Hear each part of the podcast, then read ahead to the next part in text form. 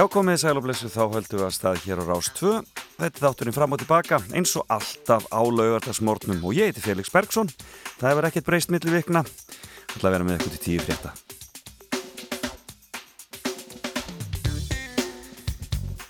Það er indælis veður í höfuborginni, þó að það uh, skjálfi jörðin, daldil rók og daldil rigning, en það er hlýtt og það er engin snjór og við höfum það bara ansið gott hér. Og ég voni að hafi það gott hvað sem þið eruð á landinu og fariði varlega. Við fylgjumst vel með þessum jarðskjáltum, það er alltaf að, að hristast hér, þetta er óvinnilegt að upplifa þetta svona mikið í svona langan tíma. En eh, við bara höldum ró okkar og bara um að gera að taka stóra þungar hluti eh, af þeim stöðum þar sem þeir getur fallið á mann, það er svona stóra málið eða fallið á börnin. Eh, að reyna að setja hluti þá niður á golf þá getur þetta gengið yfir í bílið með skusti er líka bara ágætt regla svona yfirleitt að við erum ekkert með þetta með hluti of ofarlega sem getur uh, valdi skada er svona eina ráði sem ég hef þennan morgunin en það er mikill þáttur hjá okkur framöndan í dag. Við ætlum aðeins að velta fyrir okkur löguna sem eru komið fram í Eurovision. Ég hef svona aðeins verið að spila soliðis músíku undarfarið og hann þarf að koma til mér hann Karl Ágúst Íbsen sem var hérna í síman hjá mér um daginn. Og nú kemur hann bara til mín og við ætlum að spila finska og norska lægið og heyra uh, brot úr því spænska og því kýpverska uh, hér á eftir. Og um, ég veit að Karl Ágúst er líka með fullt af einhverjum skemmtilegum kæftasugum fyrir okkur. Svo ætlum við að fara í fimmuna hér til smástund og það er Steinin Gestóttir, aðstóðarektor kennslumál og þróunar hjá Háskóli Íslands og professor í sálfræði sem sest hérna hjá mér. Og hún ætlar að tala um fimm fyrirmyndir og það verður gaman að heyra hvað steinun hefur að segja okkur. Svo eru fréttageturinn á sínum stað og veluninn frá Krauma. Þannig að þetta er bara eins og það er venjulega. Og eins og venjulega þessa dagana og á þessum tíma árs þá spila ég gömurlögur söngakefni sem lagdagsins og um, það er eitt lag sem að mér hefur alltaf fundist.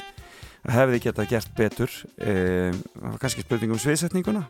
Ég veit það ekki, þetta er alltaf spurning þegar kemur að söngakefni Þetta er lagið til Karl Olgesson sem að haugur heiðar úr dyktusöng e, það heitir Miljónaugnablikk og um, það kallast svolítið á við það sem að Sigur Rós var að gera á þessum tíma finnst mér að minnstakosti að minnstakosti mjög skemmtilegt og hljómar nákvæmlega svona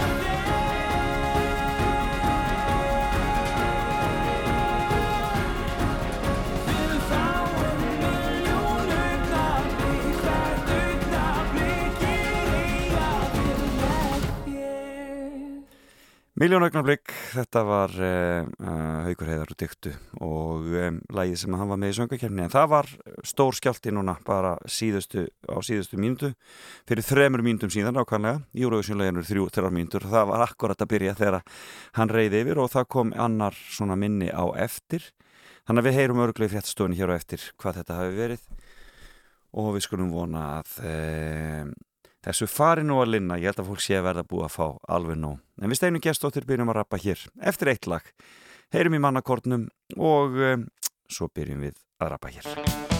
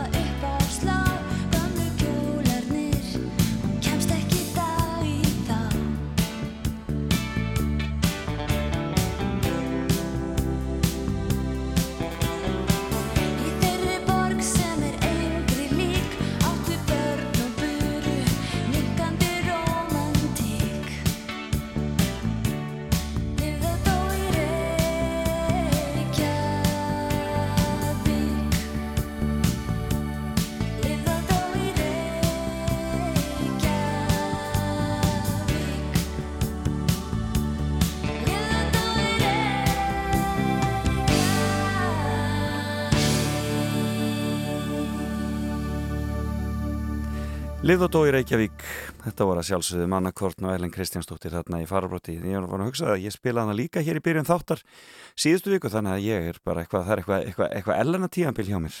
En þá er sérstu hjá mér viðmanniti dagsins, Steinn Gjestóttir, aðstóðarektor hjá Háskóla Íslands og professor í sálfræði. Hjartanlega velkomin. Kæra þakkir. Það er býðað að færa mikrofónu aðeins nær. Já, svona, flott erstu þarna. Þarna, eh, velkomin í efstaleitið. Kæra þakkir. Það skul, skul, skal bara gjörð þegar þú komst hér? Já, já, eins og síðustu daga. Já, hvernig, hvernig hittir þetta þig, hvernig finnst þér þetta? Sko, mér finnst þetta ekkit óþægilegt, sko, þetta er maður svona pínu uggandi yfir þessu en, en auðvitað hundurinn er alveg á taugum. Já, það er svo leiðis. Já, hann bara húgir við útiditnar og bara skjálfur sjálfur. Já, akkurat. Já, en kannski venst hann þessu. Já. Það virðist ekkit vera hætta. Já, þetta er nú það sem við þurfum að búa við hér á landi á eins og, eins og skaldi segði. Jú, jú.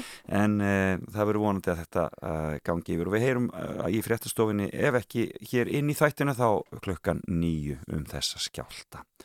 En þetta, en 2020 var mikið ár hjá þér, þú hefur verið í fjölmjölum að ræða um, um, um erfiða, erfiðar, hérna, erfitt COVID, Já, erfið, eftirköst COVID. já, já, ég hérna e, fekk COVID í september Já, og bara þessari, er í þessari þriðju bylgu. í þriðu bylgu Já.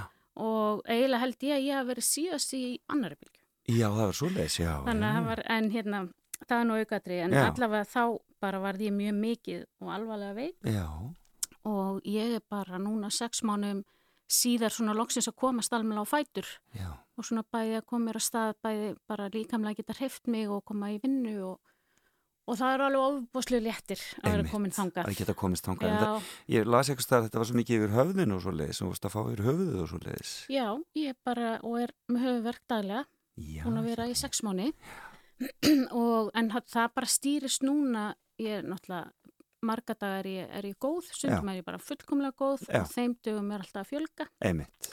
Og en það er þetta, það er eiginlega tvent sko sem, það er þessi höfuverkur sem er annarkort viðverandi eða yfirvofandi Já. og honum fylgir þessi flökurleiki líka. Já, og það er sko ekki gott að vera með flökurt í marga mánuði. Getur húað því. þetta er, Þannig að þú, þú, þú mæla semst ekki með þessu. Nei. Nei, þetta er, en þetta er semst, já, þetta eru alvarlega veikindi. Þetta eru mjög alvarlega veiki, bæði var ég náttúrulega mjög veik Já, og þetta, þessi eftirkost þetta er bara, veist, eins og ég segja, að vera svona veikur í marga mánuði og bara rúmlikjandi í marga mánuði Já. eftir að hafa verið full frískur, það er bara svakalegt sko. já, en, en náttúrulega að góða við það er að maður gerir ráð fyrir að þetta sé bara eitthvað sem gangi yfir. Einmitt, Að Það tekur tíma og að maður, ég er að vinna bæði andlega og líkamlega að byggja mig upp sko. einmitt. En það hefst sko, það er nú kannski aðalatri. Já, Og það er ótrúlega gott að vera komin á þann stað að maður svona, nú er maður á bata veginum Já. og hættur í hérna, þessari miklu vanlíðan. Já, verandi prófessor í sálfræði, getur, er, er ekki auðvelt að sækja sér hjálp? Jú, það, og sko algjörlega og það var Mm. mjög mikilvægt að ég hérna að fá aðstóð því að þetta er bara, þetta er ekkert djók Nei, að fá í akkurat. fangið. Nei, og svo er þetta held ég ólíkt öðrum alvarlegum veikindum sko að því að uh, maður veit að sumir bara fari gegnum þetta auðveldlega. Akkurat. þannig að þetta er eitthvað svo flókið sko. Já. og svo er þetta bara allir svo óvissa. Já, að bara hvaða langtíma áhrif þetta hefur og, og bara hvað þetta tekur langan tíma og, Mhm. og allt þetta. Þannig að mín leið til þess að takast á við það hvað þetta var svona eitthvað er svo dramatíst skiluru og bara Já. allar fréttir alltaf. Þannig að mín leið svona til að takast á við það hefur verið bara að ignorera að líta fram hjá fréttu já, Ég akkurat. ég Já, er mjög ána með þess að jarðskjálta já það bara- einmitt, fá bara eitthvað alveg nýtt það er annað umræðefni Já, og, hérna, og ég bara hlusta aldrei á upplýsingafundin og ég bara reyni, nú er ég bara að reyna að lífa mínu lifa mínu lífi sem mest óháð COVID og bara, En upplýður þetta hefði áhrif á fjölskylduna líka þá, sko?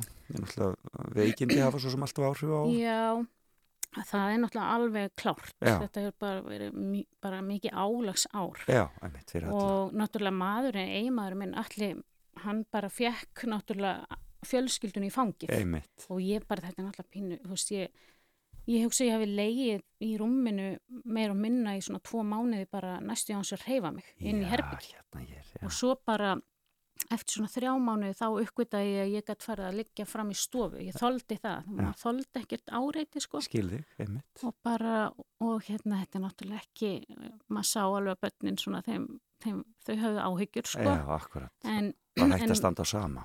já, og fannst erfitt að sjá mömmu sína líða illa Já, einmitt. En, en þau bera svo, þau, þau eru nú eiginlega allir veikir sko, Já, einmitt. en, en þau samt sko þetta hefur líka verið, það, það góða við að vera veikur þessum tíma, þú voru allir heima, það var Mhm. allt mjög rólegt, Akkurat. það var ekkert að gerast, Mm þannig að við einhvern veginn tókum þennan tíma bara að ég koma mér á lappir Já. og það er að takast. Æðisling. Að- Það er gott að heyra. Já, já, Gott að heyra Takk. og bara við bara óskum þér allsins besta í þeirri, þeirri áframhaldandi vinnu. takk eða fyrir. En það eru fyrirmyndirnar Já, uh, og eigum ekki bara að skella okkur í þetta, þetta er svo mikið að fara í gegnum.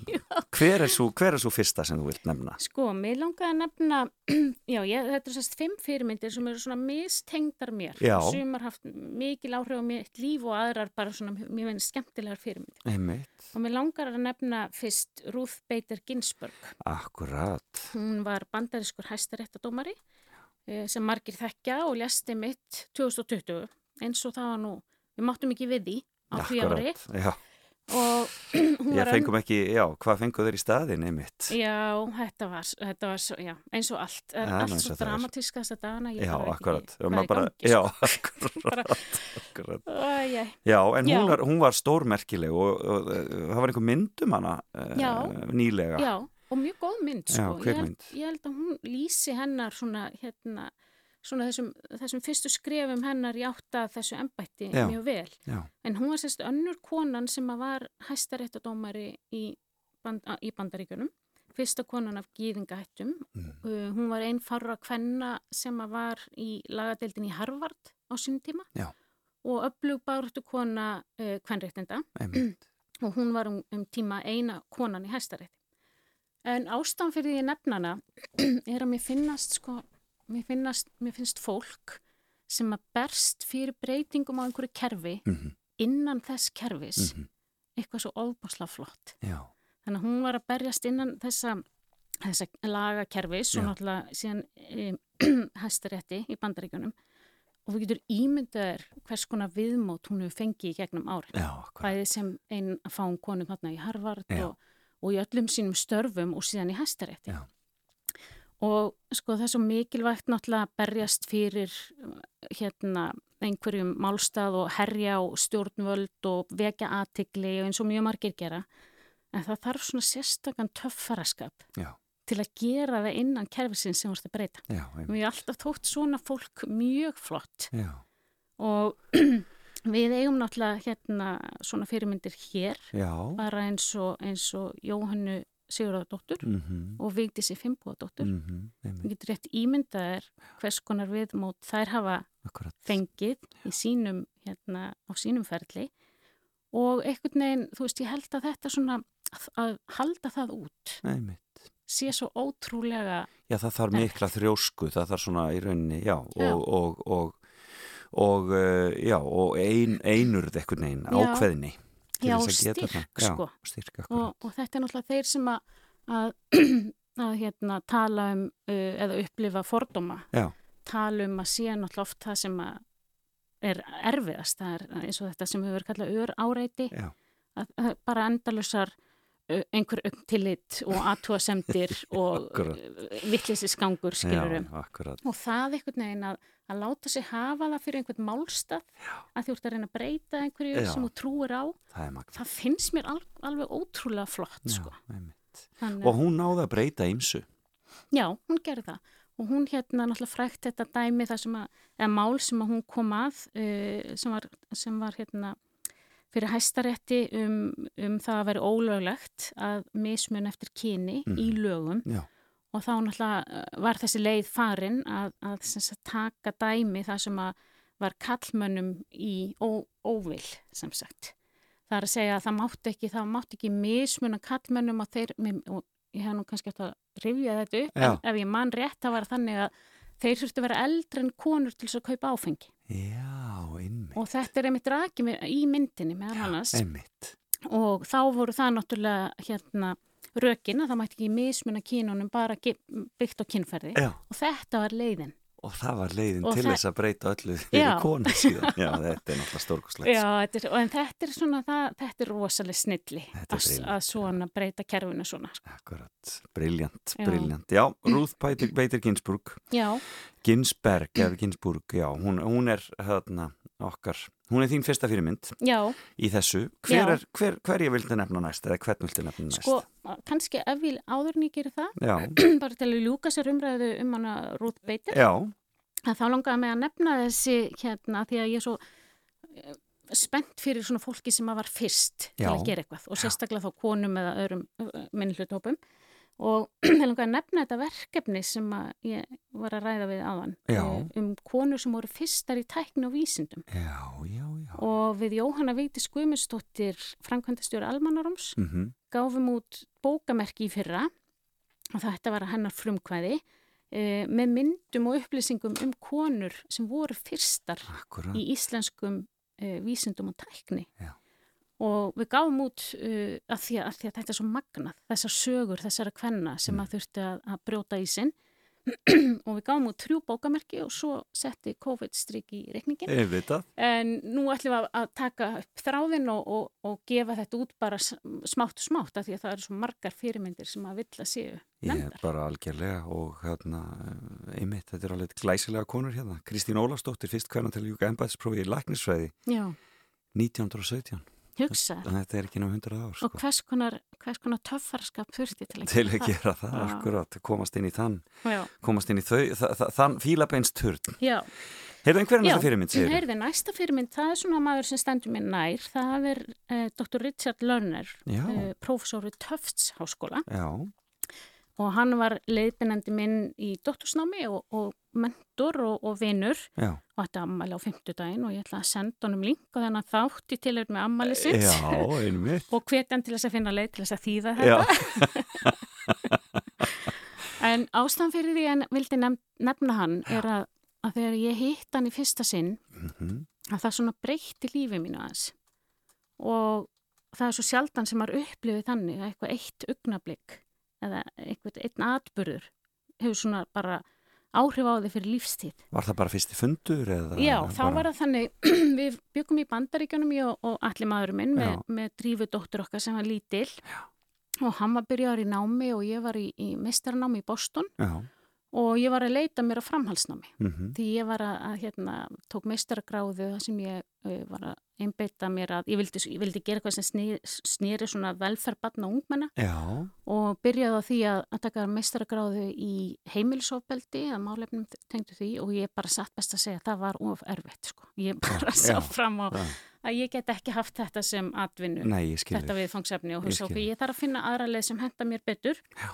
Þannig að ég fór á reisastóra rástefnu í Washington DC, mm stæstu svona sálfræði rástefnu, bandaríkjana, og þar bara leitaði ég upp í viðfangsefni eða fólk sem ég fannst áhugavert. Já, Og þar fór ég á fyrirlestur með honum Richard Lerner og ég bara, þetta var bara svo hitt að sálufélaga minn. Ég var algjörlega blown away, svo ég Já. leið mér að sletta.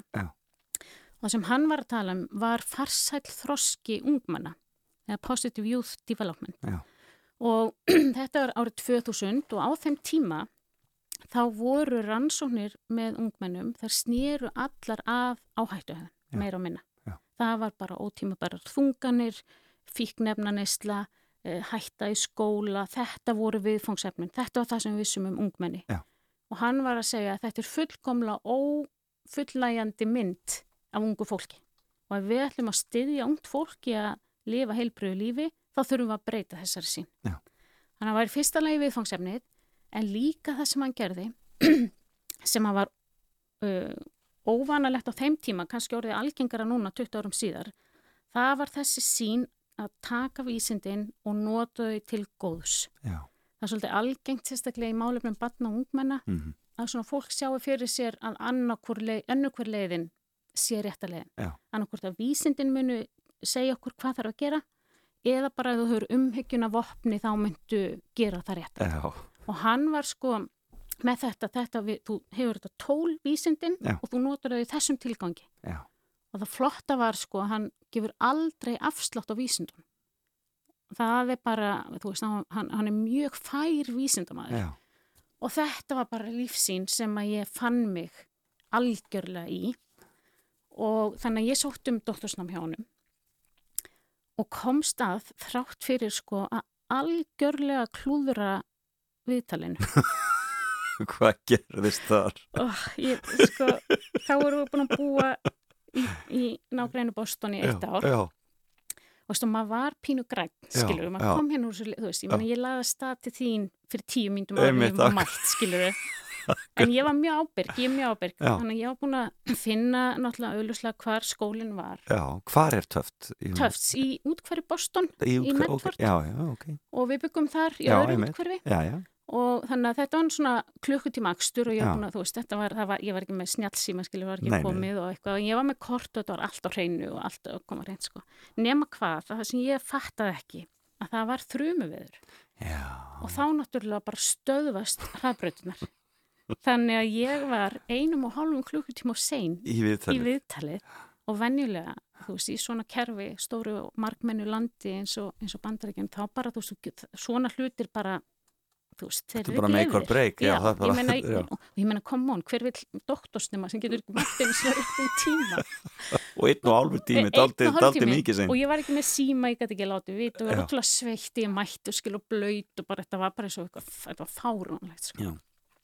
En hann tekur svona svaklan sjens á mér Já, tekur mig inn og við bara algjörlega smullum og hann bara, þú veist, ég algjörlega fann mig í hans nálgun og við höfum alltaf verið mjög náinn og svona. og vinnið enn þá saman.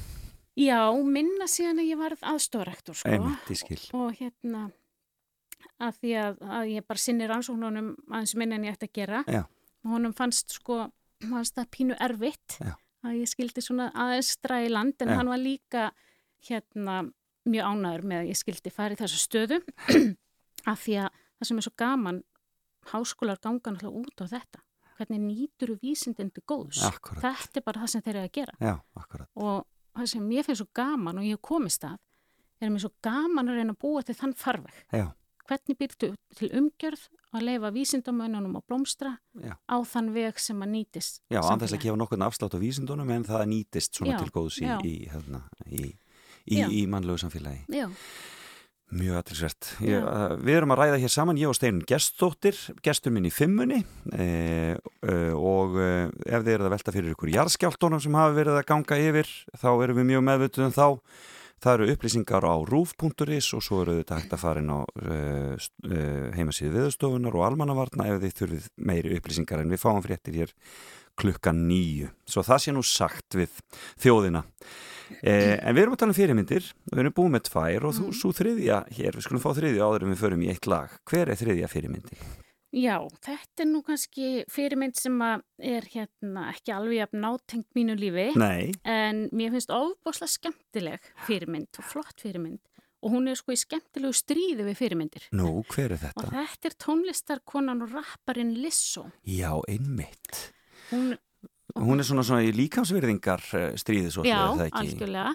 Hún hérna, hún er sko ofbáslega hæfileikarík Já. tónlistakona og mentaður þverflöytu leikari. Akkurat, einmitt, já og einmitt er mjög hérna eins og hún lýsir sér sjálf með feitlægin og er mikil hérna talsmaður jákvæðra fyrirmynda bæði hvað var að líkamsvirðingu en bara að öllu leiti, Akkurat, fenna og svartra og svo Mhm. framvegis Uh, en það sem að mér finnst sko skemmtilegt er að hún hefur líka, hún er mjög mikil talsmaður allra þessara mála. Já, en hún líka talar um sko hvað henni finnst, hún verður þreytt á því að vera látin vera talsmaður. Já, einmitt. Og hvað það getur verið einmitt flókið að vera settur alltaf í þá aðstöðu ef þú ert í minni hlutahópi Mhm. að vera talsmaður þess hóps. Akkurat, og hún vil bara láta dæma sig af sínum verkum. Akkurat. Og það sé óveðkomandi hvernig hún lítur út og, og hérna hva, hva, hvort hún sé svört eða hvít og, og, og svo framvegis.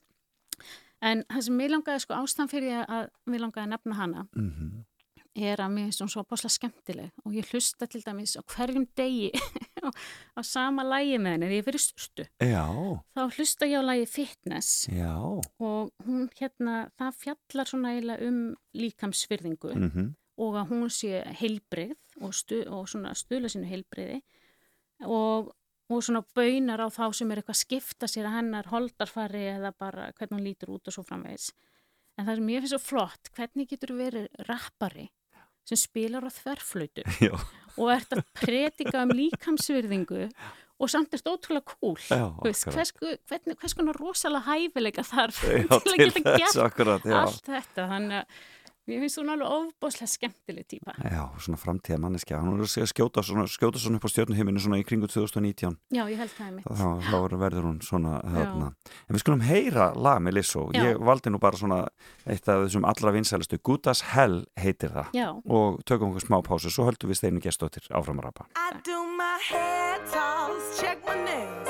Baby, how you feeling? Hair toss, check my nails.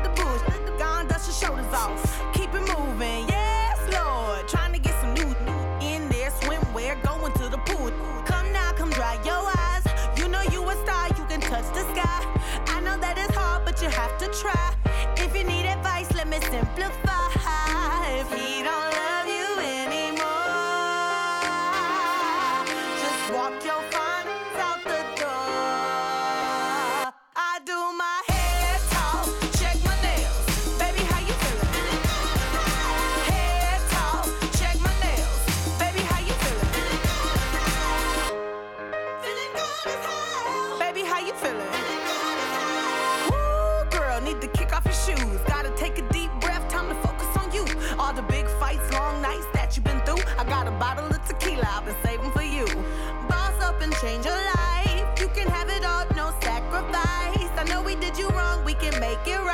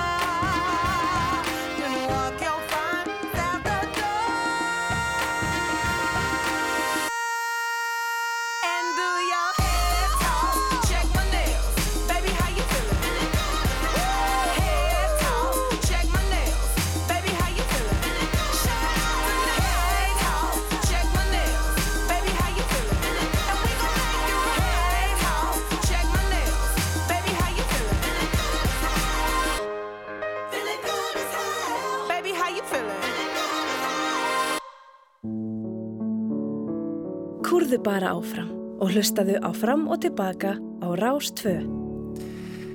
Þetta var hressandi, Lissó þarna og Good as Hell og uh, þetta var þriðja fyrirmyndin hennar Steina Gestóttur sem situr hér hjá mér. Og við erum að fara í gegnum fimmuna hennar og, og ef þið voruð að kveikja útvarpinu þá erum við mjög meðvituð um þess að jarðskjálta sem eru að ganga yfir, það voru jarðskjáltar hér uh, rétt eftir klukkan átta og við heyrum að því í nýju fréttunum hvað þetta var mikið og hvað er í, í gangi og hvort að það voruð einhverjar einhverjar eh, afleiðingar af þessu.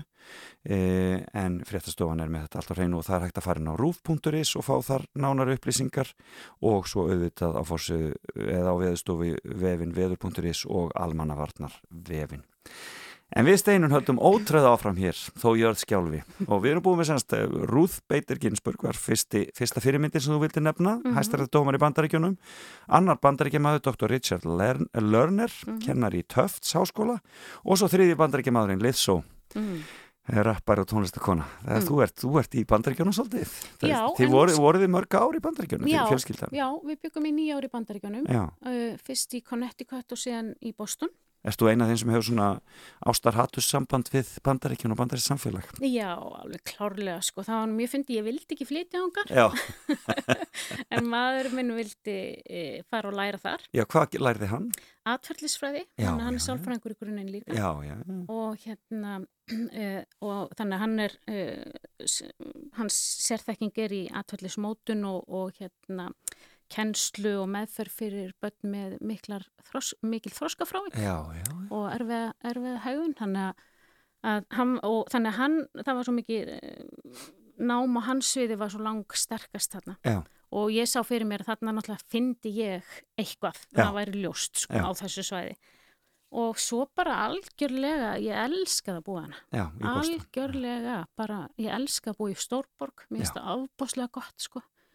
Og þarna bara læra hana, þetta er bara ekki draumur skilur þú veist, það er bara fullt af háskólum allstaðar og færustu vísnarmenn í heimi og, og þetta var alveg bara, og mér, líka ofbáslega vel að vinna þarna, náttúrulega, þú veist, vin, þetta var náttúrulega hluti til vinna Auðvitað, doktorsnám er, er mikið vinna. já, á lappinu og Já. við að kenna Já.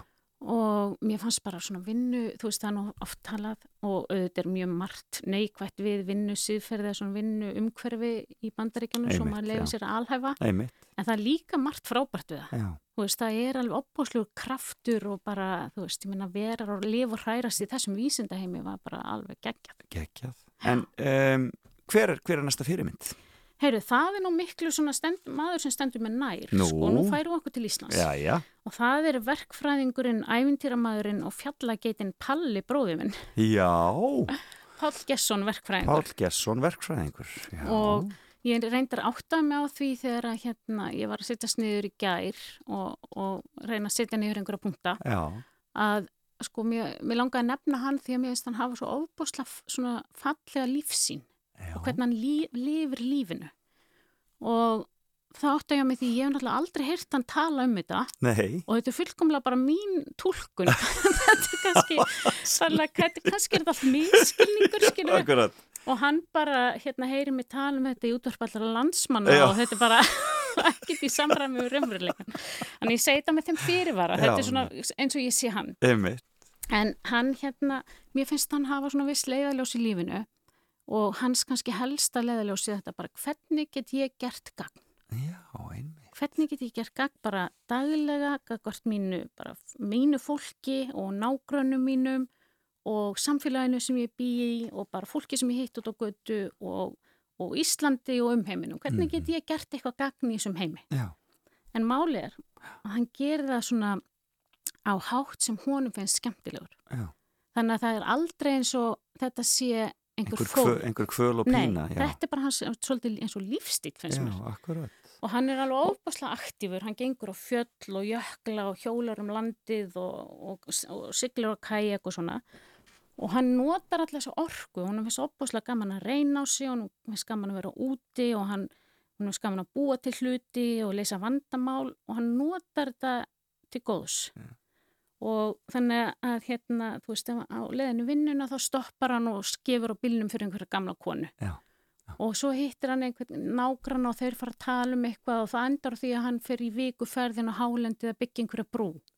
Já. Og, Já.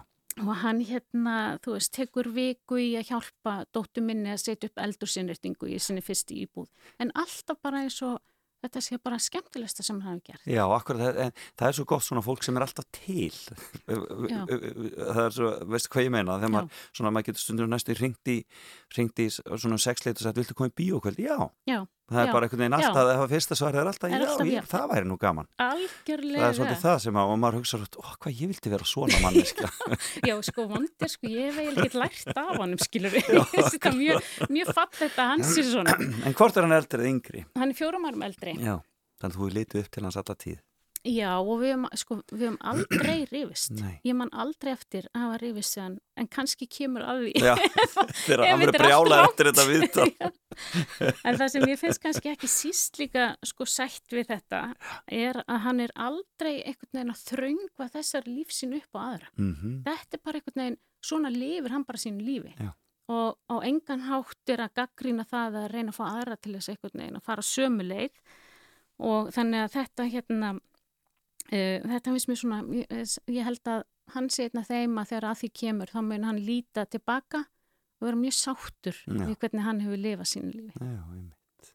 En svo kannski má ég bæta við örstuðt í lokin að, að sko að því ég er svo mikið borgarvarn. Já, Mér er alltaf, ég bjó líka í London og leiði ofubosla vel þar líka mhm, og það var viðbriði að flytja til Íslands já, og ég var mjög sátt við það og, og ofubosla margt gott og það sem var gott við það var svo frábært. einmitt En klárlega ekki stórborg Nei, og, nei, og svona nei, ég saknaði þess alveg svakalega mikið. Já, Og þá fór ég að hugsa, hvað á ég þá að gera hérna? Ég bara augljóslega get ekki verið í stórborgagýrnum og það sem Ísland hefur náttúrulega upp á að bjóða er, er þessi stórkoslega náttúra. Já. Og ég bara einhvern veginn smám saman algjörlega fjall fyrir því, meðal annars fyrir tilstilli Palla, Já, bróðu mín, já. sko, sem er algjör náttúru unnandi og bara, sko, hann sefur upp á fjallstoppum, bara sér til skemmtunar, Já, bara úti, sem ég finnst alveg mjög sérstakt, sko. en hann hefur svolítið svona tók þennan fjalláhuga minn sem er núna orðin mjög mikið já, og ég geng mjög mikið á fjöllum, Já. bara stór hluta mínu lífi, en hann tók það svona upp á næsta level, sko, því hann fer með mig á staði svona eins og skessuhotn og, og hlöðufell og einhver svona fjöll sem ég myndi ekki leggja í einn, sko, nei, einmitt, ég skil og, og það, og mína svona bestu bara, bestu augnablík lífsins hafa verið að standa á þessum fjallstoppum Já. með palla. Akkurat, frábært, Mm. dásanlegt Síðasta fyrirmyndin er eftir Mm. Já. hver er svo fymta? Heyri, nú fyrir, það er hérna utan Bandaríkjan og Íslands Nú, til Tasmaníu í Ástralíu já, og það er uppistandarinn Hanna Gatsby. Já, einmitt, ég verði þetta nafn en ég þekki ekki. Nei, hen- henni, eh, henni, hún skaust upp á stjórnuhiminin 2018 Já, með uh, síningu sem heitir Nanette á Netflix. mm nema hvað. Já, Þú ert búin, búin með Netflix sem þú búin mér á hann. ég er búin að skoða allt internetið og horfa allt á Netflix síðustu sex mánu. já, já, það er svona þetta blessa COVID. Já. En þetta sko, þetta er svona klukkutíma þáttur Já. og þegar ég horfði á hann, þetta var svona eins og þegar ég hitti Ritz í fyrsta sinn, að þetta, svona, þetta breytti mér aðeins. Og það er, ekki, það er svona sjaldan sem það gerist. Já, og þetta er mjög merkilegu þáttur, þessi nanett, uh, þetta er bara klukkutíma uppistand og svona hefðbundi á mörgan hátt. Mhm, en hún er samt að lýsa því hvað það er óholt fyrir mannesku sem er á minni hlutahópi að vera í þessu uppistands umhverfi mhm, en hún er samt svona fyrst og fremst að segja sína sögu og hún er samkynneið og er uh, greint einhverf fyrir nokkrum árum. Já, já, einmitt. og þannig að hún er mjög mikið náttúrulega að tala um það hvernig það var að alast upp uh, hérna bæ, bæði sem sagt samkynneið þegar hún var átt að segja á því og, og að vera svona alltaf skjön svolítið við sam, samfélagið uh, vegna þess að hún svona miskildi fólk og fólk miskildi hana sem Og, hún rekur til þessari einhverfi. og er hún að, að, að vinna með þetta í, í komedíunni hjá sér? Já, þannig að þetta er sko og það sem að, að þetta er svo ótrúlega vel gert. Hún er bara að lýsa því hvernig það er að vera manneska sem passar ekki inn í umhverfi. og hún gerir þetta svo vel að þetta eru allt hlutir sem hafa skipt mig lengi máli og ég Já. tel mig viti í mislistum Já, og svona. já. En mér fannst í fyrsta sinn á æfinni upplifa hvernig það er að vera í hennar spór. Hún lýsir því til dæmis sko þegar hún elst upp, þannig að hún er örgulega unglingur um 1990 Nei mitt, og fætt Þá- 78. já, akkurat. Og þá er í, í Tasmaníu umræða um þá er sko samkynnið ólögleg Einmitt. og það er mikil umræða um, uh, um það að því lögunum var svo breytt. Já, já, En hún var að lýsa því hvað, hversu óholt þetta var já, að þessi umræða eftir sér stað, hún var bann og svo unglingur og hvers konar sjálfshatur það mótaði. Já, já, og, bara, og þá bara maður upplifa bara það sem við gerum sem erum ekki í þessum spórum sem að fólk sem er á einhvern hátt í aðsetti er. Þessu við getum bara eigðilagt Bara aðgátt skal höfð í nærveru sála. Það Já. er bara svo einfalt. já og bara og sko hvað, þetta, hvað hún líst þessu vel hvernig þetta hérna hvernig þetta mótaði hana og hvað hún var lengi svona, og svo náttúrulega alls konar hlutir. Hún, hún, hún, leyndar, hún var heimiluslaus og var fyrir mjög alveg ofbeldi og bara, þetta er mjög merkileg saga, hennar saga sko, hún er alveg möggunett sko. Hanna Gatsby, við erum að finna þetta á, Já. á, á, á Netflix greinilega. Já, en, en sko ég má eiginlega koma koma því að að hún, sko, hún er alveg svakalega fyndin. Ég veit þetta hljóma kannski svona hlægilega, en hún veginn segir þessa sögu Já.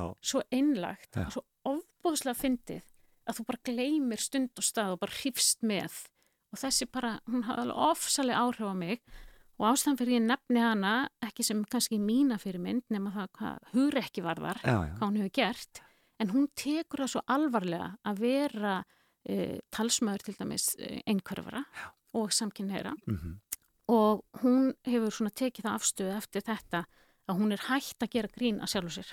Það Já. sé ekki holdt þegar þú tilheyrir minni hlutahópi. Já. Þegar að þú verður ekki fyrir neina aðkasti þá getur það verið mjög fyndið. Já. En þegar þú ert einhver sem verður sífælt fyrir aðkasti vegna þess hvernig þú lítur út eða Einmitt. hvernig þú hegðar er, Einmitt. Að þá er það mjög neikvætt innlegg. Og niður drefandi, að vera að gera grínu sjálf sér. En þannig að, að hérna, þetta var bara, ég hef aldrei sé, þetta er svona listviðburður sem hefur kannski snert mig einna mest og mér fannst hún svo ofbúslega flott fyrir mitt. Dásamlegt. Steinu Gjestóttir, þetta var skemmtileg, skemmtilegar fimm fyrirmyndir og þarna um, þetta verður hægt að hlusta á uh, allt saman, fyrir allt inn á netið, þannig að það er hægt að hlusta á þetta allt saman þeir sem voruð að vakna heyrt þetta hjá henni, þetta er mjög skemmt að þetta fari gegnum þennan lista. Það er Ruth Peter Ginsberg, Richard Lerner, Lissó Pál Gesson og Hanna Gatsby og við segjum ekki með þér, þið verður bara að hlusta en uh, svona í lokin, hvernig verður helgin hjá þér og þinni fjölskyldu? Já, sko, nú þurfi ég náttúrulega að fara að leggja mig. Já, einmitt, já, akkurat. Sapna orkunni. Sapna orkunni. Svo held ég að, hérna, ég fari nú að reyna að gera eitthvað, ég veit ekki alveg hvað ég gera með hundin, ég ætla allavega að fara heim og reyna að róa hann og, og kannski reyna að fara með hann aðeins út og hann er svo hrættur í jæfnskjöldunum, hann bara hérna húkir þarna út í dittnar. Þannig að við förum og, og reynum að senna honum sérstaklega, fíla mig og, og reyfa hann. Frábært, það, er, það bara gæti ekki verið betra, þannig kæra þakki fyrir kominni fram að tilbaka. Takk kærlega.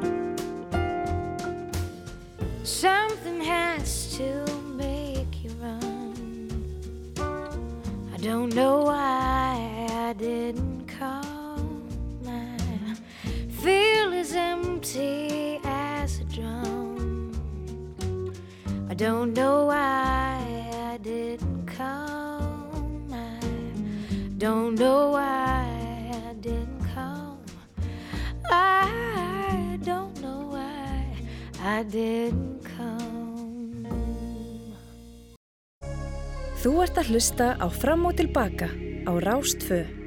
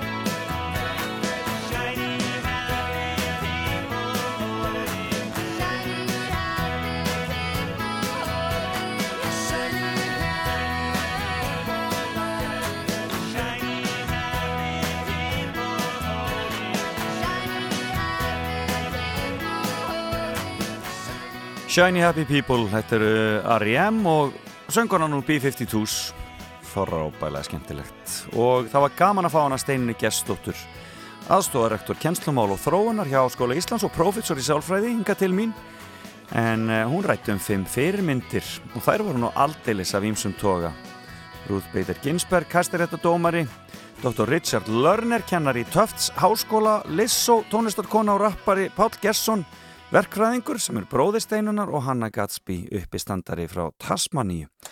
E, og ég ætla sko sannlega að finna Hannu Gatsby á e, Netflix og tekka á uppistandunni hennar. En hér eftir nýju þá ætlum við að fá hann Karl Ágúst Íbsen í heimsókn og ræðum Eurovision og svo eru fréttaketurinn á sínum stað. Og í fréttunum klukka nýju þá voru pottitt eitthvað um jæðskjáltana sem við erum að upplifa. Tökum okkur smá pásu og höldum svo áfram hér á Rástu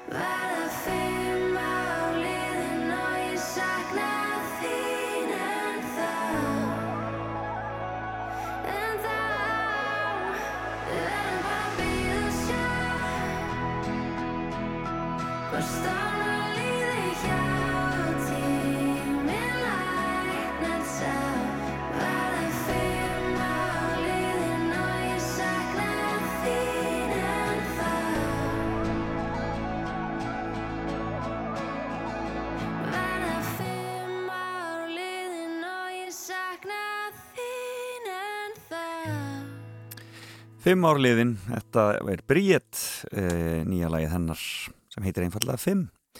Já, komið þið sæl aftur, þá höldum við áfram hér í fram og tilbaka e, á Rástfö og við erum auðvitað að fylgjast með e, framvindun í þessum jarðskjáltamálum hér á suð, suðvesturhorninu en snarpur jarðskjálti varð á Reykjaneskaga um klukkan 7.08 í morgun og jarðskjáltin mæltist 5,2 stærð og sá fyrsti síðan á miðuguta sem mælist stærri en 5 og týjir skjáltastærðinni þrýr eða stærri hafa mælst hérna á miðnætti. Og e, hér segir á, eh, á rúf.is fréttastofan er að uppfæra þarna upplýsingar alltaf á, mjög reglulega. En Víði Reynisson okkar e, hjá Almannavarnadeild Ríkislauglustjóra segir að stöðufundur vegna jarðskjáltana verði haldin í hádeginu með föttrum af höfuborgarsvæðinu, Reykjanesi og Árnesíslu og hann minnir á og hvetur fólk til að gæta að innanstokksmunum og fjarlægi hluti sem getur dottið og slasað fólk. Jafnframt áreittar hann að hægt sé að kynna sér ítalega leiðbenningar um viðbröð við jarðskjáltum á vefnum almannavarnir.is og jafnframt brínir við, viðir fyrir fólki að skoða vel aðstæður á vinnustöðum og heimilum með tilliti til öryggis. Já, við höldum áfram að gera þetta saman. Við erum öll almannavarnir, er ekki þannig? Hér eftir smástund við að ræða eins um Eurovision og lögin sem eru að koma fram þessa dagana. En hér er Celeste. Is bad. Love is bad.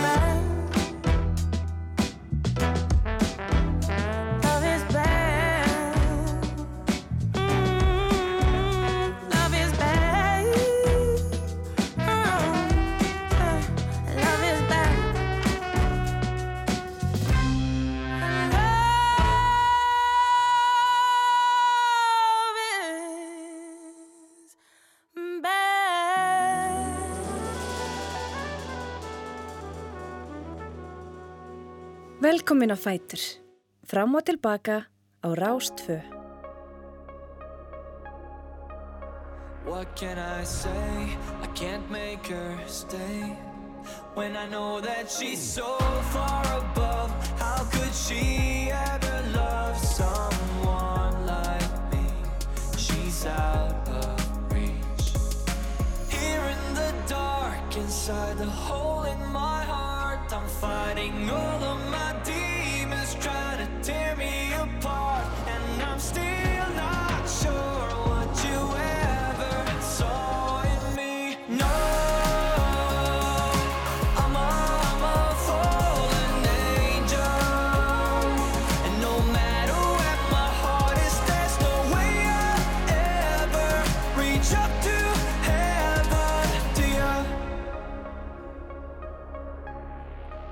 She's so far out of this world. Be with her. Cause I know heaven's your home. That's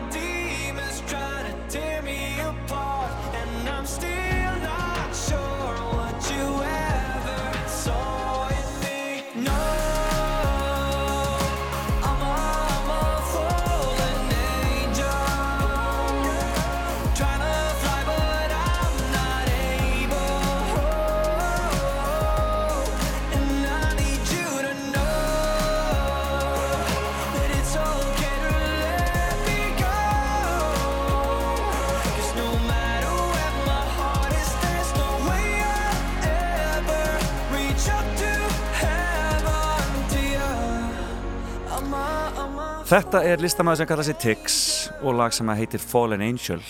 Ekki síðra á uh, norskunni því að þetta er lagið sem að var er sigurlagið í norsku uh, undankeppnin og verður framlag norðmanna í Eurovision í ár. Og Karl Ágúst Íbsen sem er sestur hérna hjá mér, þú spáður þessu? Já, ótrúlegt oft rakast, oft rakast ratast kjöftum. Satt orða mun Já, en það þurfti ekkert rosalega mikla spátómskáfi í þetta lag. Nei. Það er að segja, þetta var 100% uh, atkvæði áhörvenda Já, uh, og, og hann er mjög vinsæli í Norri gífurleg stjarnar þetta er eins og við værum að senda bara herra hnetuspjör til þess að Já. keppa á móti einhverjum uh, óþektum Já, á Íslandi. einmitt, akkurat En Keino er nú, njóta nú líka mikill í Mjög vinsæl, en, en norðmenn eru jafnaðamenn eins og við Já. og Keino er búið að fara, nú getur nú bara komið að einhverjum öðrum Algjör óþarf að vera alltaf að púka upp á sama Alltaf fólki. saman fólki, þetta er svolítið eins og, hérna, eins og svíatni fóru með hana, hérna, Lorraine á sínum tíma. með, með sitt frábæra statement. Eða, Ég veit nú ekki hvað hlægi var svo frábært en atriðið Já, atriðið var stór flott. kostlegt, stór kostlegt. En það, en það var einmitt svona, þú veist, hút Já, búinn hút búin. Nú sendu þið ekki Það var líka svolítið lumulegt ég- fyrir þá sem að horfa á þetta þá var Kaino í öllum þessum viðtölum. Þá voru þeir alltaf að tala um já það væri svo mikill heiður að fá að fara Já, og það væri svo gaman að fara. Þeir eru bara búin að þessu vinnir akkurat Þurfu ekkert að fara alveg strax. Akkurat, þannig að þetta er lagið og þetta er náttúrulega gríðalega vinsælt í Nóri, eða ekki? Jú, beint á toppin beint á toppin og var Já. búið að vera á toppnum áður á Spotify og þessum streymisveitum En hann er að tala mikið um neikvæða gaggrinni og hérna er svona að, að, að, skjóta á gaggrinendur uh, þessi strákur sem að kalla sig Tix Já, hann hefur náttúrulega í gegnum tíðina verið mjög umdeldur. Það Já. er að segja þessi karakter. Tix. Uh, Andrjáð Haukeland held ég hann heiti. Já. Hann er allt önnur Já, tjúbu. Og uh, hann hefur, hann tók þetta nafn vegna þess að hann er með túrætt, já, með mikið af svona Já. Tix á ennsku. tekur sér þetta nafn og það er meðal annars ástæðan fyrir því hann er alltaf með þessi sólgleru að hann er með mikla, mikla kæki í augum og felur það með þessu. Með En hann hefur í gegnum tíðina verið uh, umdeldur vegna þess að karakterin Tix er, er svona skítæll, Mélur og uh, hann uh, hefur sami mjög svona uh, te texta sem eru mjög uppfyllir að kvennhatri svona og alls blassrokka konar- stælar einhverjir sko. En er svo þetta ljúfa lamb á bakvið tjöldin. Eins og, og blassrokka eins og og erpur blessaður. Og hann hefur aðeins verið að reyna að koma út úr skapnum með sína, sína mjúku hlið Já. eftir. Sigurinn að var í mjög opnu og, og, og áhrifaríku viðtali hjá Lindmo sem er svona þeirra Gísli Martin Já. í, í Núri þar sem hann talar um erfiða æsku var laður í mjög mikið einelti út af þessu út af þessu uh, þjáðust af miklum sjálfsmórshugleðingum Þannig að hann upplifir kannski þessa e, slæmu dóma þá og þessa slæmu umfjöllun sem svona annars, an, annan, Já, fyrst annan anga af þessu einelti. Já, hún finnst að vera komin í það aftur. Já, og það eru þetta mjög sorgljótt og það er það sem er svolítið ljóður á sérstaklega erlendum Eurovision aðdáendum Mhm. hvað umræðan verður hatursfull Uh, þetta er, þetta er, þetta er svolítið ljótt sko. einmitt.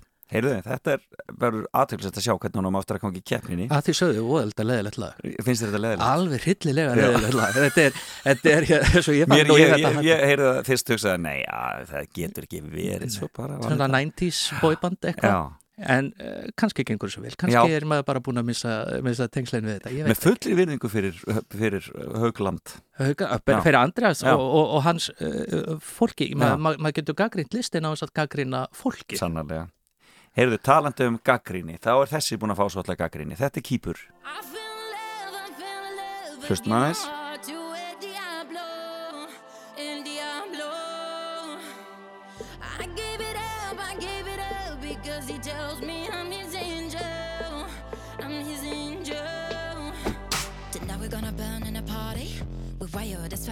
That's on the loose. Hot on the of shot in the bodies. To tackle the Mali, yeah, that's my move. All this spicy melts my icy edges, baby, it's true. Tonight we're gonna burn in a party. It's heaven and hell with you.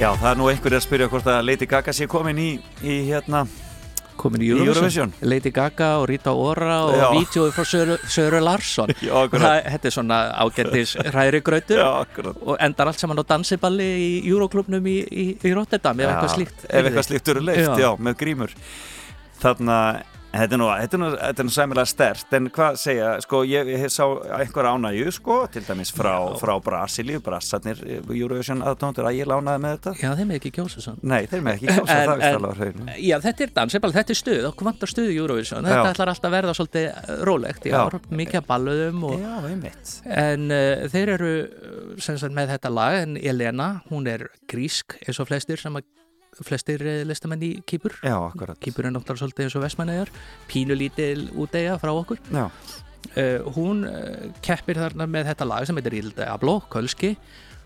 Og uh, ég held að þetta sé nú bara ansi stert, þetta er svolítið fuego já stíl í þessu og- einmitt. Og þetta á eftir að vera svona mikið fjör Já, ég hugsa það. Mikli dansar og mikið gleði. Já, vonandi bara fær hún yfir á sviði. Já. Hún verður ekki bara í vídjói heima. Ég kýpar er með allskins listamenn fyrir sig einmitt en þessi er, þessi er, er grísk. Eh, ég heyrði einhverja gríska útgáfa þessu lagi líka. Já, er það ekki rétt, er ekki komin Jú, einhver grísk útgáfa? Jú, jú, það er, þetta er það, það er náttúrulega, þú heyrir þó þetta sé nú mjög poppað og Já. mjög Lady Gaga, mjög Já. mikið Rita Ora og allt þetta, Já. þá heyrir þú alveg þarna smá grísk áhrif Já, þetta, þetta er þeirra stíl þannig að það passar vel að setja þetta á smá það hefði kannski mátt vera viðlag og grísku það hefði kannski verið svolítið töff. Akkurat, algjörlega. En þeir hafa verið með uh, keppendur frá Albaníu.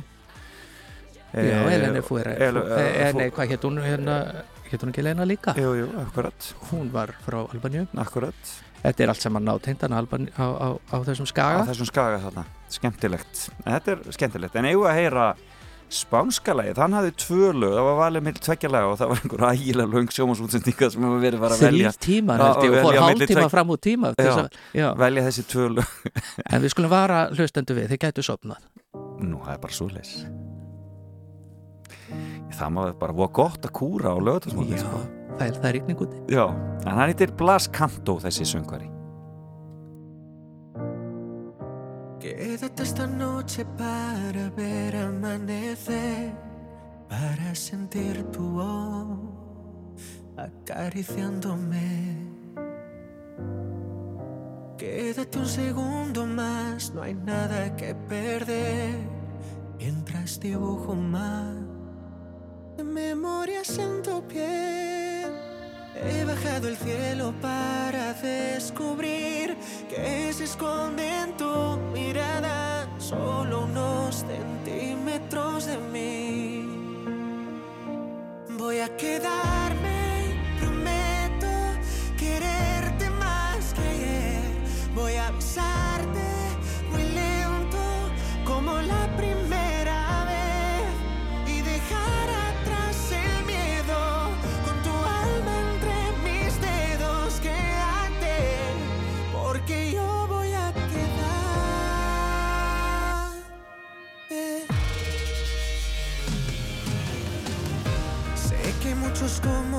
Já, þarna fyrir þetta aðeins af stað. En þetta er semst Voya Ketarme e, sem er sungið af Blas Kanto sem er svona þetta er spán, framlagsspánar. Hann er uh, úr einhverju bóibandi eða ekki? Eða einhverju svona, einhverju strákabandi? Jú, hann var í spænska uh, drengjabandinu Árín Já, uh, sem að var vist mjög vinsælt. Já. veistu Felix ég átti frængu sem að í fjölskyldubóðun sagði alltaf um mig, Kalli minn, já, ef þú hefur ekkert fallegt að segja um, annað, um aðra hluti konta á sestu hjá mér. Bara Nei, nei, konta á sestu hjá mér. Já. og núna fá hlustendur rása tvö að vera þessi frænga mín. Já. Þetta er nú alveg með ólíkindum hvað spánverjar eru týndir í Eurovision. Þeir ekki geta að ekki ratað á neitt almennilegt. Gera- Nei, þetta er ekki gerast hjá þeim Já, ég meina þetta er ekki kannski hræðilegt lag. Nei, þetta er kannski alveg ágætt eitthvað stað þarna í, á Spáni á Létt FM þeirra. Já, en í Eurovision, ég meina það þarf að vara veitur við að það verður álag á kerfi þegar þetta fyrir gang. Það verður bara þannig Þetta er pissu, pissulæði Þetta er pissulæði ár sko. Er En, það, ekki en, gott, en þú segir, þetta, er- er mikið að balluðum náttúrulega mjög mikið. Og þessi mun ekki standa út úr Það get ekki bunkanum. mér. Ímyndað mér. Ég, Þú varst að spila þetta, ég, mér heyrist ómaður og ég man ekki hvernig það er. Nei, Þetta er algjörlega óeftirminnaleg Þetta er svona algjörleinu manna út um mitt. Algjörlega og þetta er voru með tvö lög þar í keppninni eh, bæði svona. Beis, bara mjög svipuð lög. Og spánverjar voru nú ekki hrefnar en svo að annar lagi fekk uh, 46% atkvæða og hitt 54 Já, þetta er, þetta er eh, það var engin gleði eða spenna yfir þessu. Nei, en þeim tókst að gera næstu í þryggja tíma útsendingu. Já, það, það er ákveðin hæfileiki það er vissulega hæfileiki. Það er vissulega hæfileiki. Herrin síðan hafa lögin verið að koma fram aðeins meira. Íratnir komið sitt í gær. Já, þeir senda Leslie Roy með Maps. Já, við heyrum það kannski eftir viku. Ég er Já. ekki með það hérna núna En en uh, fló ágætti slag allt í lagi. En- Já, það er einhvern veginn, já, svona, það er svona aðeins meira fullorðins Já, og ágætis myndband sem fylgir því og svo eru, eru kjæftusögur eða ekki, er ekki verið að segja að rússarnir ætla að senda sama listamann og átt að vera í fyrra? Þarna, það, fjölmiðlar í Rúslandi sem ég fylgist nú með uh, mjög reglulega. Er það ekki? Jú, jú, þú getur ímyndað þér. Það, Þeir uh, segja allir fullu fettum að það verði lit, uh, Little Big. Little Big. Ég ætla að segja Little Uno. Að það er hérna Uno Little Big sem fari en að það verði undankeppni og Já. það verður þá í fyrsta skipti síðan 2012 ef mér, mér, mér skjöplast ekki sem að þeir halda undankemni það er þá bara þeir og sem að spila lög? þá og, þarna einhver tvö eða þrjú lög sem að Ó, ok. áhærendur fá að kjósa á milli. Og það, ég held að það sé svolítið stert að leifa fólki að taka þátt og, og, og vera með. en það er nú hver að verða síðastur að halda þá er undan það að halda þetta 8. mars? Já, það er bara, hvað, þremur dögum áður eða eitthvað áður en að Ja, nei, hvað er 15. mars? Já, sko, já, já, já, það er, það er já, de- deadlineið er í rauninni 9. mars en 9. það er svona, en sko, en uh, af því að svíjarnir verði ekki fyrir 13. mars þá er svona menna aðeins verðin að tegja þetta já, en þannig að það er, það er um að gera og við ætlum að vera 13. mars með lægjan staða þannig að það er, uh, já, þeir ætlum að vera með þetta 8. mars þeir eru að vera 8. mars og, og þeir ruku upp uh, á, þarna, á veðbönkunum þegar að Þeir þetta eru var náttúrulega ofur stjörnur Little það má ekki gleyma því. Þetta eru, þeir hafa miljardða streyma Ég þekki Ekki einn mann sem er gríðalega spenntur að hitta og það er Daði Freyr uh, Pétursson, hann er mikill aðdáandi. Já, það eru áhrif þannig Já, það er engin spurning. En uh, þeir, þeir verðast alveg líka hafa sloppið við þetta illa umtal sem varði fyrra út af, út af þáttöku eins, f- eins flytjandans í, í svona mótmælinn gegn réttindu samkynniðra Já, ég er nú ekki alveg búin að fyrirgefa en, en Nei. aðrir eru að gera og Já. menn er ekki allir jafn langreiknir og ég já, en þetta, ég held að þarna sé komin mjög sterkur keppinutur við Já. okkur Já. og, og verður spennandi að sjá hvað gerist mér finnst þeir Ég fannst reyndar- læðir í fyrra algjör snild sko já, Uno, Það- alveg það- hryllilega skemmtilegt sko. það var töff Ég spilaði það heilmikið hérna það var töff, og, hérna, og einmitt þessi sviðsetting hjá þeim mjög fyndin sko já, það er spurning hvað gerist, þetta verður spennandi að sjá. Það er sérst 8. mars sem að kemur í ljós hvaða lög rússar fá að velja úr. Fá þeir bara að velja, er bara kostningar í Já, það, bara, það þetta kemur manni algjörlega opna skjöld það vaknaði einhver í Rúsland og sagði, ef að prófa svona líðræði en ég veit ekki. Þetta virðist virka annars þar já, sumir, prófa þetta en, en ég veit ekki Nei. satt best að segja hversu mikið verður að marka svona kostningar þar. Nei, Eh, þeir hafa ekki mikið verið að láta þær marka við skulum láta þetta algjörlega liggja millir hluta.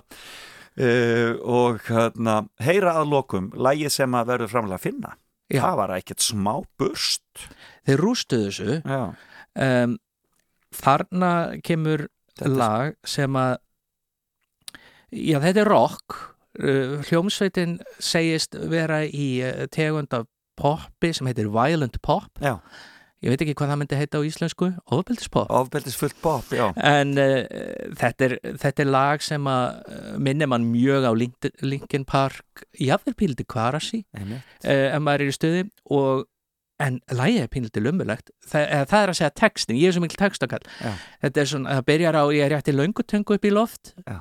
Verður ekki mikið skára eftir það. Já, og svo uh, fara þeir í svona viðlagið, þar, þar vitna þeir í 27 Club sem er þekkt fyrir uh, það voru margar stjörnur sem að letu lífið 27 ára. Uh, segja, og, og læt það bara duga, þetta er þungt umræðefni svona í morgunsári en, en þetta, er ekki, þetta er ekki alveg minn stíl, ég fíla þetta ekki í fjölskyldu sjóarfi.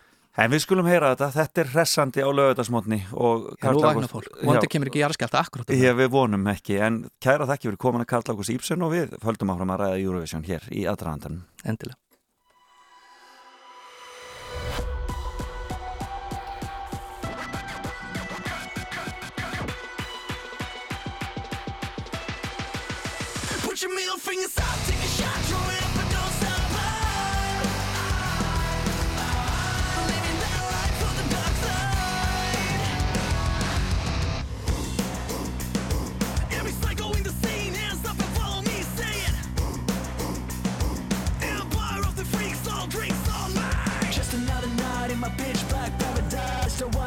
So I gotta get paralyzed. My body is my weapon, so I keep it loaded till I'm all over the place like my head exploded. Don't waste your prayers, they can't save us. Lifestyles of the sick and dangerous. Put your middle fingers up, take a shot,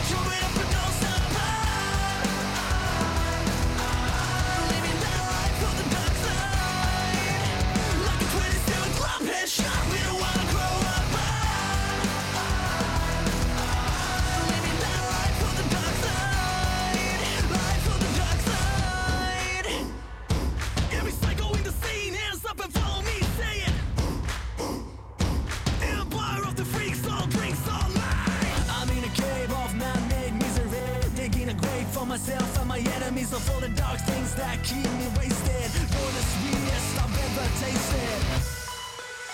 Put your middle fingers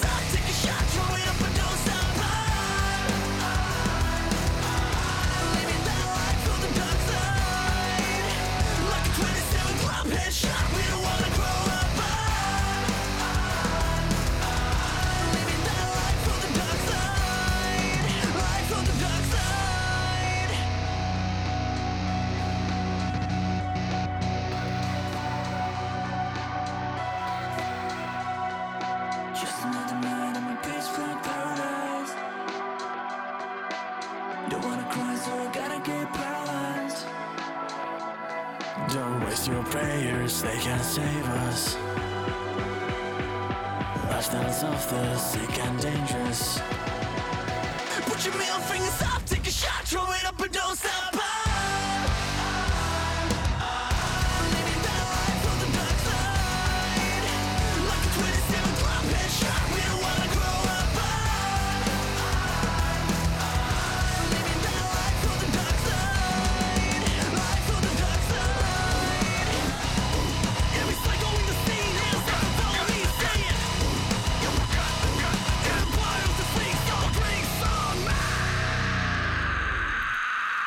Já, þetta er ekki tónlist sem við spilum gjarnan hér á lögutarsmátni en þetta var uh, hljómsveitin Blind Channel frá Finnlandi og lagi Dark Side, þetta verður uh, framlega að finna í Eurovision í ár, verður rúglega mikið stuð á sviðinu. Ég var búin að gleyma það líka, þjóðverðin komið fram með sitt lag og fleiri og fleiri. Við ræðum þetta síðar og oftar við hann Karl Ágúst Íbsen, stór skemmtilegt að fá hann hér í heimsókn. Og þess má geta að uh, þrátt fyrir að öll þessi lög sé að koma fram þá er daði, eru daði og gagnamanningin ennþá efst á uh, listum uh, veðbanka uh, með 10% vinningslíkur en rússarnir eru komnir í annarsætið með 8% þetta verður spennandi. Áfram, fylgjumst með. Kúrðu bara áfram og hlustaðu áfram og tilbaka á Rás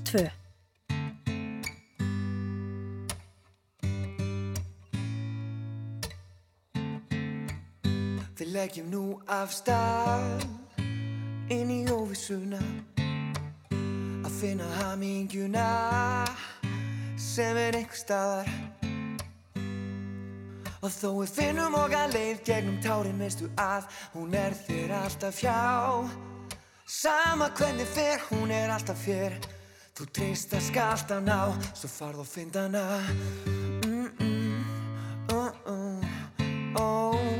finn hana Hamingjuna, hamingjuna mm -mm. En gat hann ekki greið Skaldu riðjana Í okkar dýfstu neyð Reynda nótana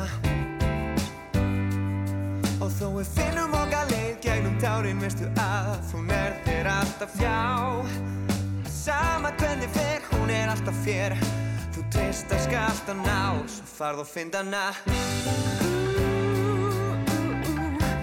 Ó, farð og finn hana. Hamingjuna, hamingjuna Ó, ó. Og þó við finnum okkar leið Gegnum tárin veistu að Hún er þér alltaf hjá.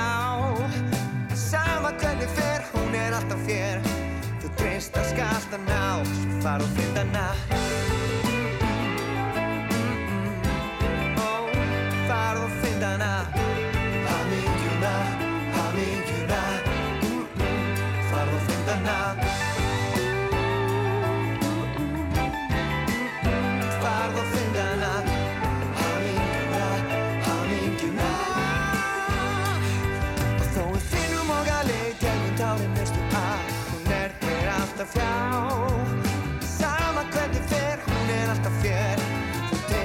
að skalta ná.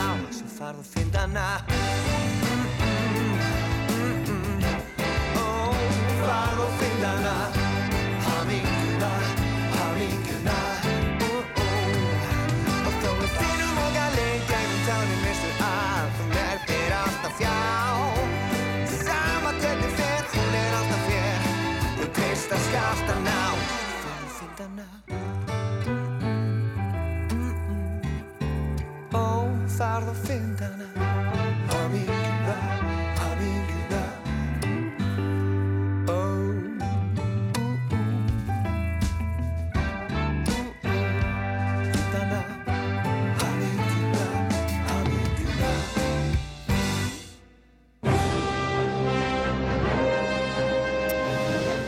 Já, þetta var Reymur að syngja gegnum tárin, frábært lag hjá honum. En það kom að fréttagetrun, símin 5687123, 5687123 og þið getur byrjað að ringja núna.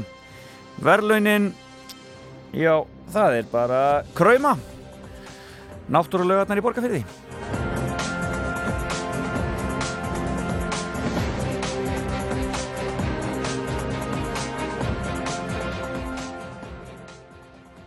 Já, og línundar farnar að loga 5, 6, 8, 7, 1, 2, 3 er númerið okkar hér beint inn í stúdíó og við skulum bara heyri fyrsta hlustanda. Góðan daginn!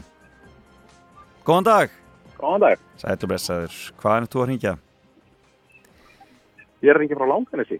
Já, það skelfur ekki jör hjá þér þá. Rólegt hérna. Ha, rólegt hjá þér, gott að heyra, gott að heyra. Heyrðu, þá skulum við bara byrja þetta. Upp. Fylgistu vel með réttunum? Svolítið. Já, já, gott. En í vikunum voru 40 árliðin frá fyrstu opinberu heimsókn Vigdísar Fimbóðadóttur sem fórseta Íslands til útlanda. E, og þetta hefur verið svolítið í fréttunum og rifjaði upp. En hvert var það sem Vigdís fór í þessari fyrstu opinberu heimsókn? Ætli það hafi ekki verið kryddsíldin. Var það Danmörk? Það er bara hár rétt hjá þér. Það var akkurat kryddsíldin. Maður gleymir þessu aldrei. Það var alveg ótrúlegt. Heyrðu þú þetta er rétt hjá þér? Heyrðu rétt hjá þér? E, e, e, e, e. Þá spyr ég. Þú kom eitt rétt. Hæsti réttur í Breitlandi komst að þeirri niðurstöðu að Shamima Begum fá ekki að snúa aftur heim til Breitlands. Þetta gerist í vikunni. En af hverju fær Shamima ekki að snúa aftur heim? Er það pass núna? Það pass bara. Þú vilt ekki skjóta? Nei.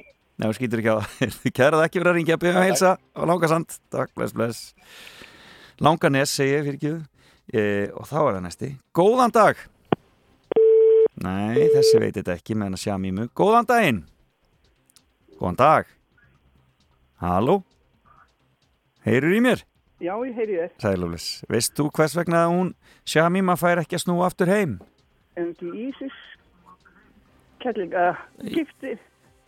Já, þú ert alveg með þetta, heyri ég. Vi- viltu formeta eitthvað betur, svarið?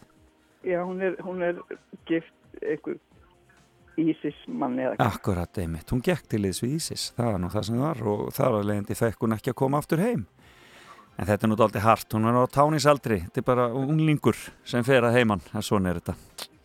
E, þannig að hún fær ekki að snúa aftur til Breitlands. Blessunin. Já, þetta er rétt. Hvaðan ert þú að ringja? Ég er í borgarfrið. Húti borgarveg finnur þú skjáltana? Já, Já, þeir finnast þarna uppbytti til ykkar. Það er svona. Heyrðu, þá spyrjum við. Í vikunni var hundum söngkonuna Lady Gaga stólið og var nú frekar óhugulegt mál. Hún bauð fundarfíð í hærri kantinum. Veistu hvað fundarfíð var hátt til að fá hundana tilbaka? það var ekki 500 miljónir eða eitthvað. 500 miljónir hvað? Af- hverju?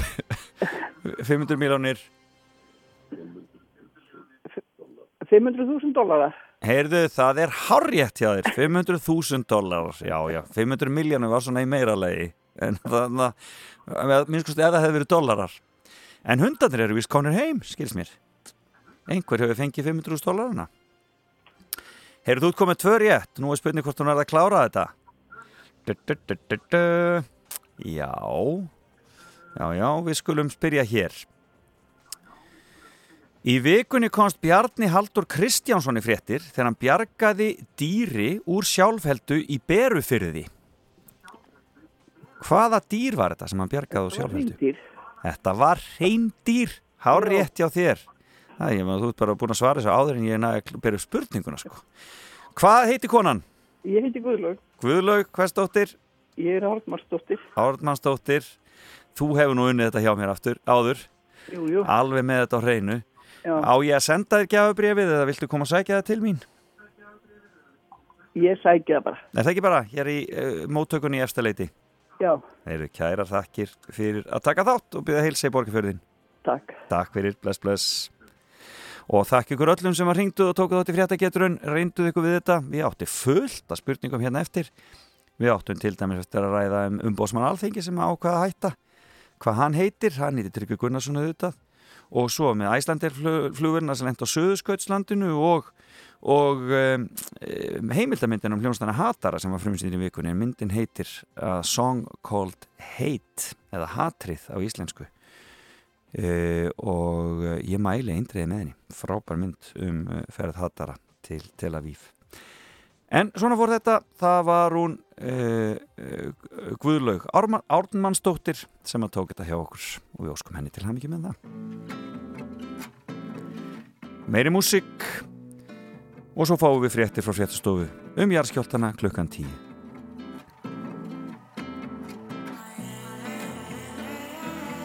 Searching for balance, praying for clarity. Mars strip me naked. Take this identity, tell me it's unity. In I Lakin, I am you, you are me. Searching for balance, praying for clarity. Mars strip me naked. Take this identity, tell me it's unity. In I Lakin, I am you. I wear clothes I like to hide, so no one knows what I'm made from. Deep in my soul, taken from home, so far we stroll. Deep in these roads, think we control this, we don't, but we could. I wish we would throw away these phones, get a bit more holy, see the world more slowly. Take time, my roses. Searching for balance, praying for clarity. Mars strip me naked take this identity, tell me it's unity. In La Kesha, La Kin, I am you, you are me. Searching for balance, praying for clarity. Marsh strip me naked, take this identity, tell me it's unity. In La Kesha, La Kin, I am you, you are me. See, all I know is that I know nothing at all so mystical, magical, and no, we don't know our potential. How could we when they lie? They cast spells and they try dropping bombs from the skies like we are not stars. Inside me, there's a war.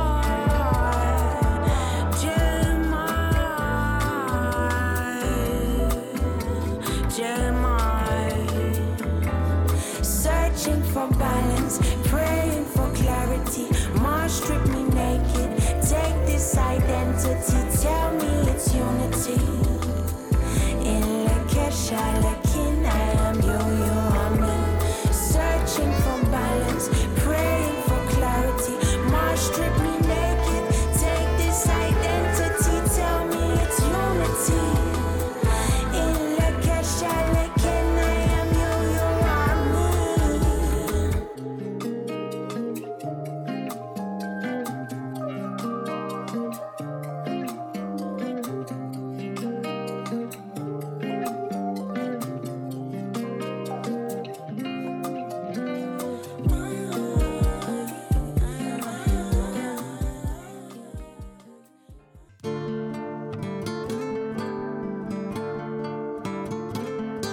að hlusta á Fram og Tilbaka með Felix Bergsinni á Rástfö.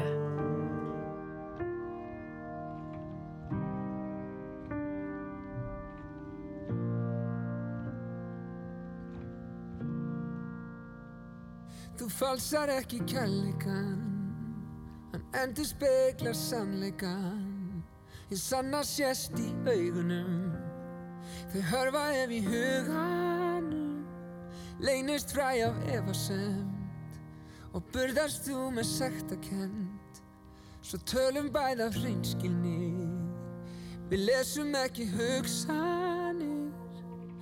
En ef ástin er reyn Rattar hamingjan heim Byrtir til yfir okkur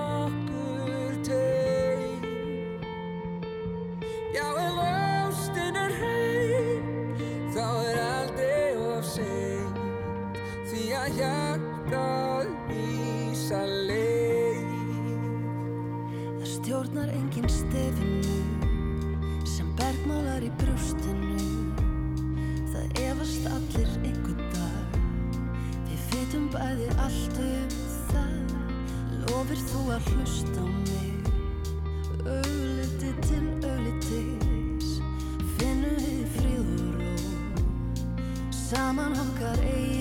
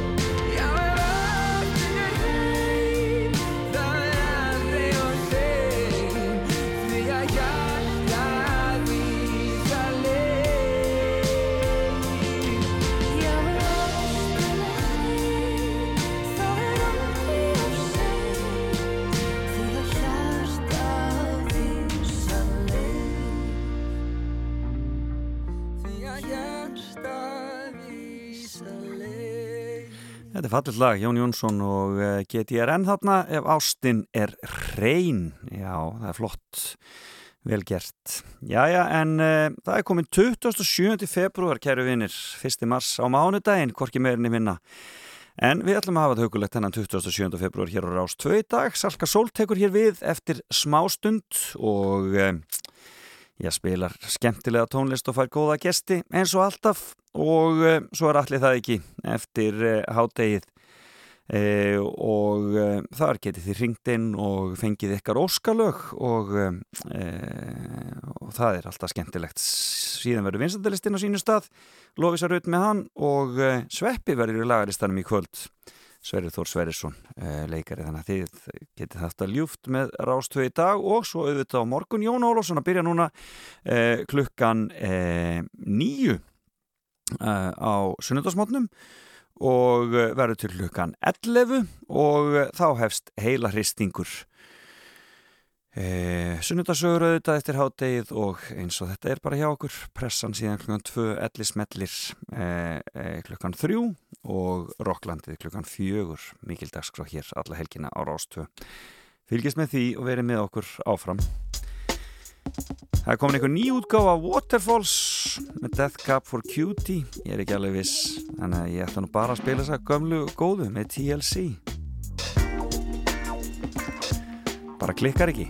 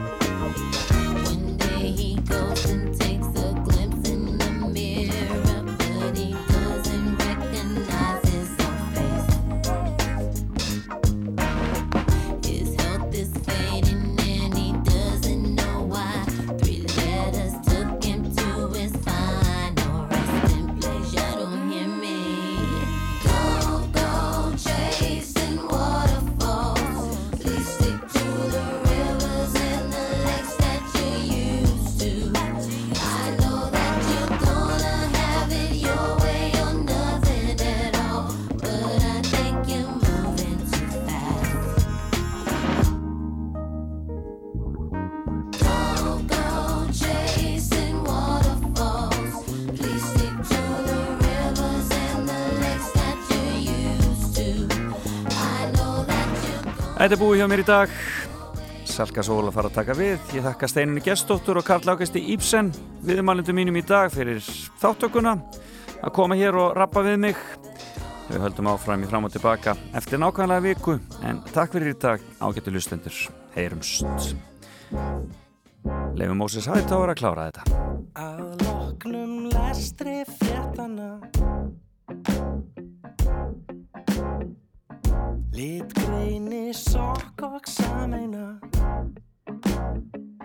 Hitt við áfram gang Fylgist með fótabúnaði. Í að státtulega umhverfi. Og sé að þeim fjölga. Stöku sokkunum. Í gráman granna skinni falla eins og flýsur as Fljúan sig ofta út varpsaga glas Og fá sér af stúð Og þegar öllu þeirra bauki er á botnin hvort Blasir við að ekki gerist allt of oft. Að þau kík ekkert út. Og ég spyr, ég spyr mig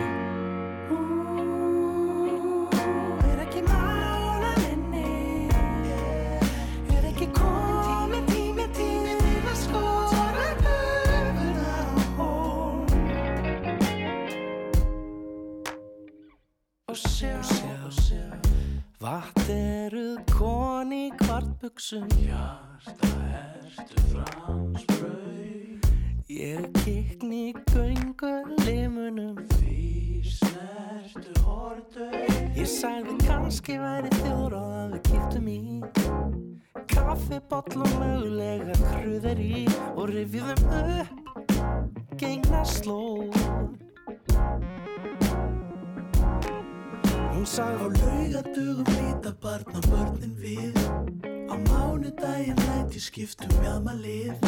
En annars er ég bara góð